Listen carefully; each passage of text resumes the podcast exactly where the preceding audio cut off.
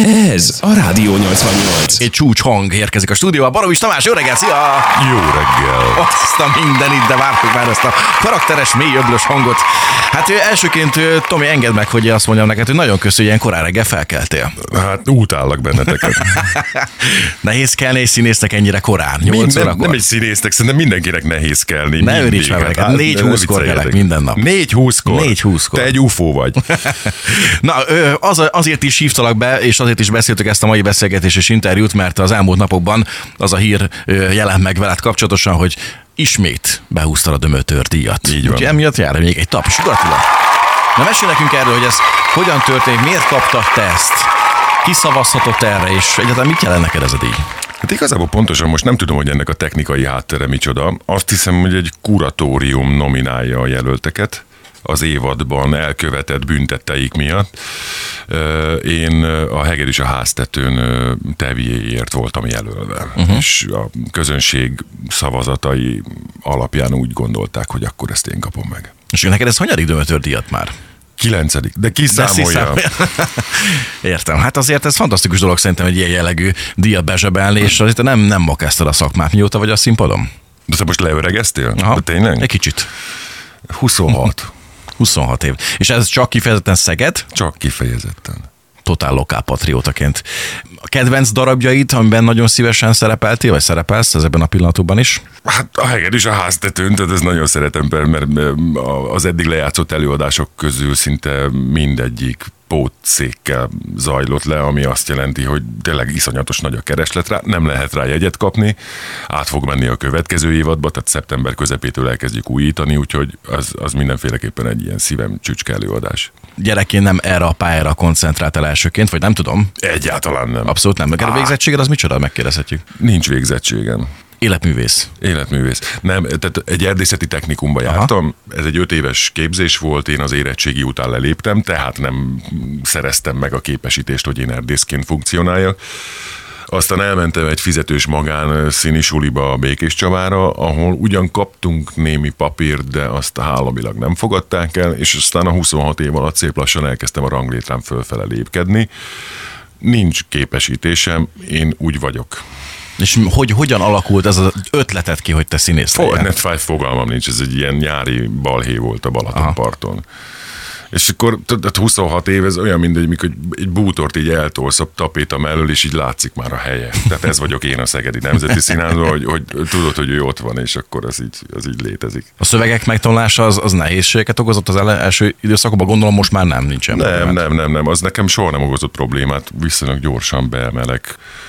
Jó, mondjuk már nem, tehát ahogy öregszem, úgy már egyre nehezebb és egyre fájdalmasabb a tanulás, de ez a legalapvetőbb dolog, tehát ez, a, ez az első lépés ebbe a szakmába, úgyhogy ez, ez nem okoz problémát. És színészként azért gondolom van lehetőség arra több ízben is, hogy éppen a szöveget elfelejted, akkor valamit rögtönöz, vagy ez nagyon nem, mereven kötik a, a nem rendezők? jellemző, nem? nem jellemző. Tehát én, hála jó Istennek, ez gyorsan le is kopogom, hogy nekem még nem volt ilyen nagy recsenésem színpadon, hogy, hogy lement a roló, és, és uh-huh. semmi nem jutott eszembe.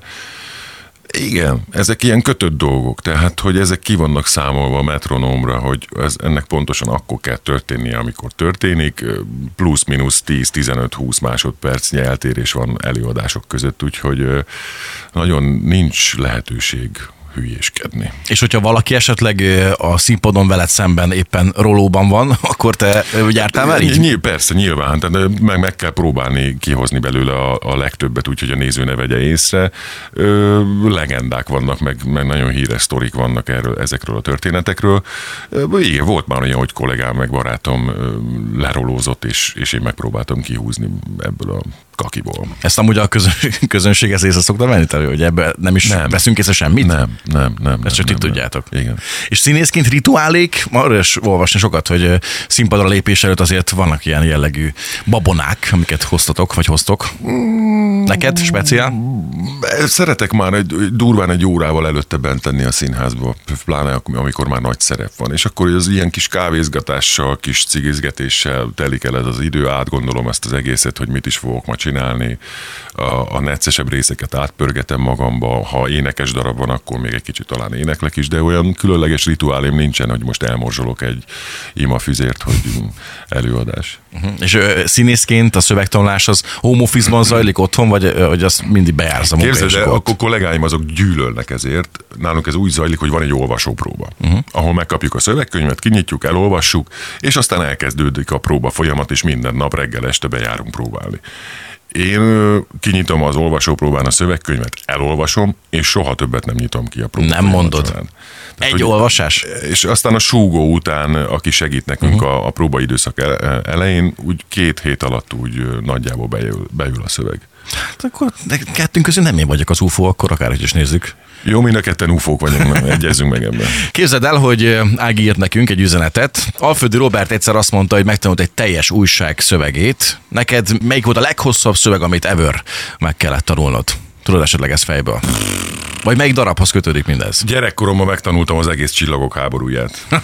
Komolyan mondtad? Esküszöm, fönn volt audiokazettán, és megtanultuk, és így játszottuk a csapattal. Nem hiszem el. Esküszöm. Nem hiszem el. Sőt, a könyvnek a prológiát is megtanultam. Akkor te egy nagy Star Wars fan vagy ezek szerint? Ez iszonyatos. Tényleg, mit adnál azért a dologért, hogy esetleg abban a filmben szerepelhetnél? Bármit. Bármit? Bármit. De akár még Cameo Yoda mesterként. Végig egy robot is, droid is lennél? Bármi. Bármi. Mondjuk jó nagy droid lennél. Akkor, ma most is az vagyok. magasságra, magasságra értem. Ha már itt a filmek szóba kerültek, ugye téged azért nem egy magyar rendezésű és magyar típusú sorozatban is láthattak a nézők, és nem csak a hangoddal hallhattuk, hallhatják, a, mint a rádióban esetleg reklámok esetében. Melyek voltak azok a filmek, amelyekben te akár visszanézhető formában, és most is megtekintető vagy? Volt egy pár, sajnos nem, nem annyi, amennyit én szeretnék, mert uh, iszonyatosan le vagyunk terhelve a színházba, és nagyon nehezen lehet összeegyeztetni azt a fajta Szeged és Budapest közti viszonylatba, azt a távolságot, hogy ez beleférjen az időbe, de azért néha sikerül bekerülni, például az Aranyéled harmadik évadába benne voltam, aztán volt a Jó fiúk, ez a rendőrös sorozat, benne voltam most a most tavaly forgatott Petőfi filmbe, uh-huh. Néha akadnak ilyenek. És ilyen esetben te már abba a kategóriába tartozol, hogy nem is kell neked casting? Tehát most nem, már tudják, hogy mi nem, vagy, ki vagy, és jössz? Nem, nem, szerintem Magyarországon azért ez nem jellemző. Uh-huh. Tehát minden esetben, akár a nagyobb színészeknél is igen, van egy casting igen, előtte. Igen, igen, igen. És azok hogyan történnek? Hogyan, hogy kell képzelni? Tehát ott is vannak az ismertebb magyar színészek, és vagy ha telefonodat fölcsapnánk, akkor benne vannak az ő neveik is telefonszámmal? Vagy, vagy ott rájuk se lehet nézni, mint a világsztároknál esetleg? Nem, nem. Ez úgy működik, hogy van, egy, van, a, van a produkciónak egy casting directora, aki elkezdi fölkeresni azokat a színészeket, akiket ő gondol, hogy a karaktere illik-e a filmhez megfelelő-e a figura, és akkor szépen elkezdik kiküldözgetni bizonyos jeleneteket adott szereplőknek, akik megérkeznek Budapestre valamelyik casting irodába, és ott vagy a, vagy a rendezőasszisztense, vagy a casting directorral, vagy már összeosztott szereplőkkel összeolvassuk és megpróbáljuk eljátszani azt az adott jelenetet, és akkor a rendező ezeket a felvételeket megnézi, és, és eldönti, hogy melyik szereplő melyikhez illik. Tehát elkezdik passzítani egymáshoz a, a szereplőket. Uh-huh.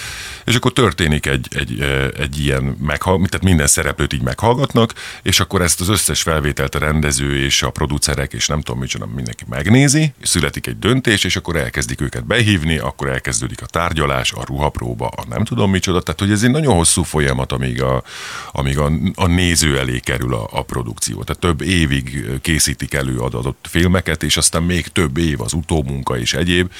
Szóval macerás a történet. Nem túlságosan könnyű, hogy elmeséled a színészek életet, de mégis, hogyha valaki ezt a pályát akarja választani, akkor szerintem mi a lehető legjobb mód erre? Neked, ha jól tudom, akkor a, a lányod is ezt a pályát akarja választani?